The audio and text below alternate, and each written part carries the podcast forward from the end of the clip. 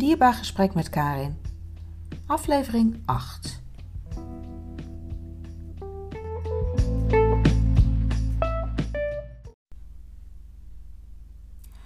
Wat ik in mijn coaching heel erg ja, bespreekbaar maak, is ja, dat je die zachte kracht allemaal in je hebt. Maar dat het is eh, verborgen. De zachte kracht waarmee je de kwaliteiten van een ander ook kunt erkennen. En je naar een ander kunt luisteren. Oprecht geïnteresseerd zijn in een ander. Ruimte maken. Dat is wat ik doe. Ruimte maken in een gesprek voor die ander. Want het gaat niet om mij. Het gaat om die ander. Ik luister en hoor tussen de zinnen door wat er niet wordt gezegd. Zie de non-verbale communicatie, het ongemak waarmee iemand zich niet meer fijn voelt in hoe het nu gaat in zijn of haar leven. Ik kan de ruimte maken om te luisteren naar die ander, zodat hij of zij zich vrij voelt om te spreken en te delen wat er, ja, wat er leeft wat ze ervaren in hun leven en waar ze graag verandering in willen aanbrengen. Dat, die veilige omgeving, die integriteit, dat is voor mij heel belangrijk om door te geven aan die ander. Zodat alles er mag zijn. En ik luister met mijn hart en zie, zie jou ja, als mens. Ik neem niks aan ik heb geen oordeel over wat er gebeurt. En ik laat jou in je waarde. Gaat er niet om wat ik jou aan kan reiken of wat ik jou mee wil geven. Ik geef wel tips, ja. Het gaat erom hoe jij daarmee omgaat. Hoe, je, hoe jij ze integreert in je eigen leven. En zodat jij ook weer de ruimte voelt om je krachtiger te gaan voelen. En je met zachte kracht naar die ander kunt duidelijk maken wat jouw grenzen zijn. Wat jij wil. Met respect naar jezelf, maar ook met respect naar die ander. Zodat je ja, die ander serieus neemt, maar vooral ook jezelf. Want wat heb jij nodig? Jij doet er ook toe. En hoe breng je dat dan over naar die ander? En dat doe je bijvoorbeeld door te zeggen hoe je je voelt. Wat het met jou doet als iemand anders iets tegen jou zegt, wat niet helemaal fijn is. En waar voel je dat dan? Kun je dan naar die ander aangeven: Ja, dit maakt me verdrietig, of ik eh, ben teleurgesteld in dat je dit tegen mij zegt. Zodat je het gevoel hebt dat je, ja, dat je serieus wordt genomen. Dat je mag zeggen ja, dat dit dus niet oké is. Het gaat erom dat je dat, dat je dat op zo'n manier zegt dat je die ander niet kwetst. Als jij kunt aangeven wat jouw gevoel is, dan is dat van jou. En daar kan die ander niks op afdingen. Want die weet niet hoe jij je voelt. Dus daarmee zet je eigenlijk je, jouw kracht in. En die gaat nadenken over ja, wat hij zojuist tegen jou heeft gezegd, dat dat helemaal niet de bedoeling was om jou daarmee te kwetsen. Dus je gaat nadenken ja, over de manier en wat hij heeft gezegd tegen jou, waardoor jij je zo voelt. En dat is nou juist de bedoeling. Jij wordt serieus genomen omdat je aangeeft hoe jij het voelt.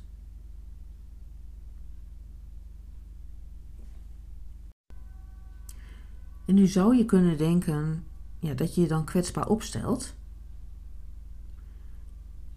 Maar ik vind meer dat je je open opstelt. Open over, nou ja, wat dingen met jou doen. Of gedaan hebben. Je mag ook terugkomen op dingen die al eerder tegen jou gezegd zijn. Daarmee vraag je ook erkenning voor jezelf. Word je eens bewust dat, dat als jij gewoon ja, gaat delen over wat dingen met jou doen, dat dat misschien ook een uitnodiging naar de ander is om dat ook te gaan doen. Word je eens bewust van wat je daarmee zou kunnen bewerkstelligen in de wereld. dat je kunt gaan staan voor wie jij bent. Hoe jij de dingen ziet, wat er in jou leeft. En dat je vooral jezelf niet van tafel laat vegen. Dat is die grenzen aangeven, met zachte kracht. En ik nodig je uit om elkaar eens te helpen. Als jij open bent naar die ander en aangeeft wat het met jou doet, nodig dan ook die ander uit om ook eens naar zijn gevoel te gaan. Laat diegene open en eerlijk vertellen wat er op dat moment gebeurt, wat er in hem of haar leeft. Zodat we allemaal kunnen leren om de grenzen aan te geven. Nee te zeggen zonder uitleg, maar op zo'n manier dat het recht doet aan jou en aan die ander. Zodat we open in verbinding kunnen zijn. Dankjewel voor het luisteren en heel graag tot de volgende keer.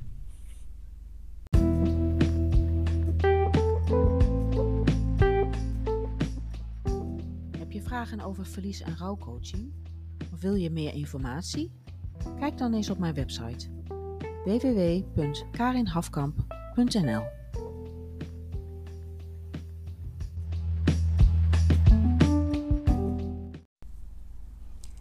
deze aflevering wil ik het graag met je hebben over grenzen aangeven.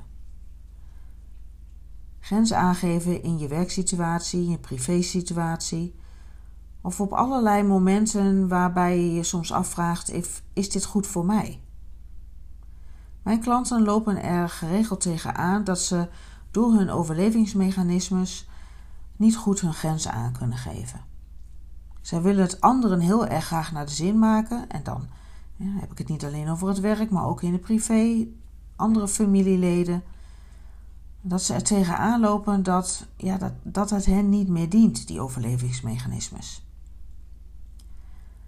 En voor een ander zorgen, dat is allemaal leuk en aardig, maar als jij daardoor de hele dag bezig bent met anderen in plaats van met jezelf, ja, dan houd je dus heel veel van die ander. Maar in hoeverre houd je dan ook nog van jezelf? Op je werk ja, heb je de taken te vervullen die er zijn, maar vraag je ook wel eens af of je dat nog wel leuk vindt. Of het nog bij je past. Of dat je eens kunt aangeven ja, van welk werk jij eigenlijk gelukkig wordt. En of er iets kan veranderen. Vandaag had ik nog een klant bij mij en die had het over grenzen aangeven in de privésituatie. Zij rijdt met haar kinderen overal naartoe. Naar de kapper, naar de mondhygiëniste, whatever. En zij komt er dus achter dat als zij dan wat aan haar kinderen vraagt, ja, dat haar kinderen gewoon, gewoon zeggen van ja, dat doe ik straks wel. En aan het eind van de dag blijkt dat het niet is gebeurd. Die kinderen die krijgen niet de consequenties van als zij hun taakjes niet uitvoeren, dat daar dan een consequentie tegenover staat. Dat er iets voor hen niet gebeurt. En wanneer leren zij hun verantwoordelijkheid nemen bij de dingen die hun moeder of vader aan hen vraagt? Als zij de taken niet uitvoeren, wat staat daar dan tegenover? Of doet je moeder het toch altijd wel? Brengt hij jou toch overal wel naartoe? En zijn er geen consequenties aan als die taken niet uitgevoerd worden? Wat vraag jij van je kinderen? Vraag jij wel eens om hulp? Geef je wel eens aan dat jij het ook fijn zou vinden als er eens voor jou gezorgd wordt, als men eens voor jou zou koken? Ja, als ze zo oud zijn natuurlijk dat ze dat kunnen. Gooi het gewoon eens open in het gezin. Leg de taken op tafel die er moeten gebeuren gedurende de week. En geef jouw kinderen de verantwoordelijkheid, samen, als ze met twee, drie of meer zijn, hoe zij dit gaan oplossen. Laat ze het gewoon samen doen. En als ze het niet hebben gedaan, welke consequentie staat er dan tegenover? Breng je ze dan niet naar de kapper of naar de voetbal? Of nog iets heel anders? Of blijf jij nog steeds de dingen doen die zij van jou vragen? Zo leren ze natuurlijk helemaal nooit om ja, hun verantwoordelijkheid voor dingen te nemen. En dat is wel waar het in het leven om draait. Je verantwoordelijkheid nemen. Voor jouw werk wat je hebt te doen, maar voor je eigen gedrag. Doe je voor een ander? En ook de verantwoordelijkheid over je eigen leven. De liefde die je jezelf geeft. Vandaag was een klant bij mij en die gaf aan dat ze bij de bedrijfsarts een schema voorgelegd kreeg waarin de opbouw van haar werk voor de komende weken eruit zag. En toen haar dat werd medegedeeld, raakte ze in paniek. Want de bedrijfsarts, die heeft dat schema, dat standaard schema dat voor iedere medewerker geldt die terugkomt na een periode van ziek zijn. En of dat nou een periode van ziek zijn is dat je bent uitgevallen doordat je een dierbare bent verloren, of dat je bent uitgevallen doordat je langdurig ziek bent omdat je kanker hebt, of omdat je langdurig ziek bent doordat je een burn-out hebt gekregen. Geen enkel ziektebeeld is hetzelfde.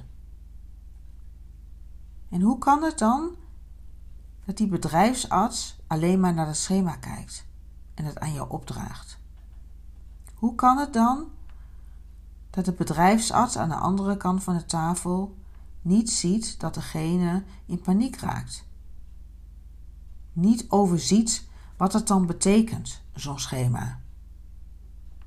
En niet bij zichzelf kan ja, invoelen of dat wel bij hem of haar past.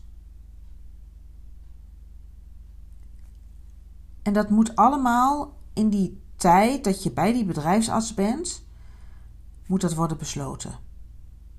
Terwijl jij, als je op de fiets bent hè, en, en naar huis rijdt, in paniek raakt omdat je dat niet kunt overzien, waarom zou je er dan op dat moment niet op terug mogen komen? En kunnen aangeven: dit voelt nog niet goed voor mij. Ik heb geen idee of ik dit aan kan en hoe dat in de komende periode gaat uitpakken. En kun je daar dan nog op terugkomen? Kun je aangeven, ja, dit gaat nu nog niet.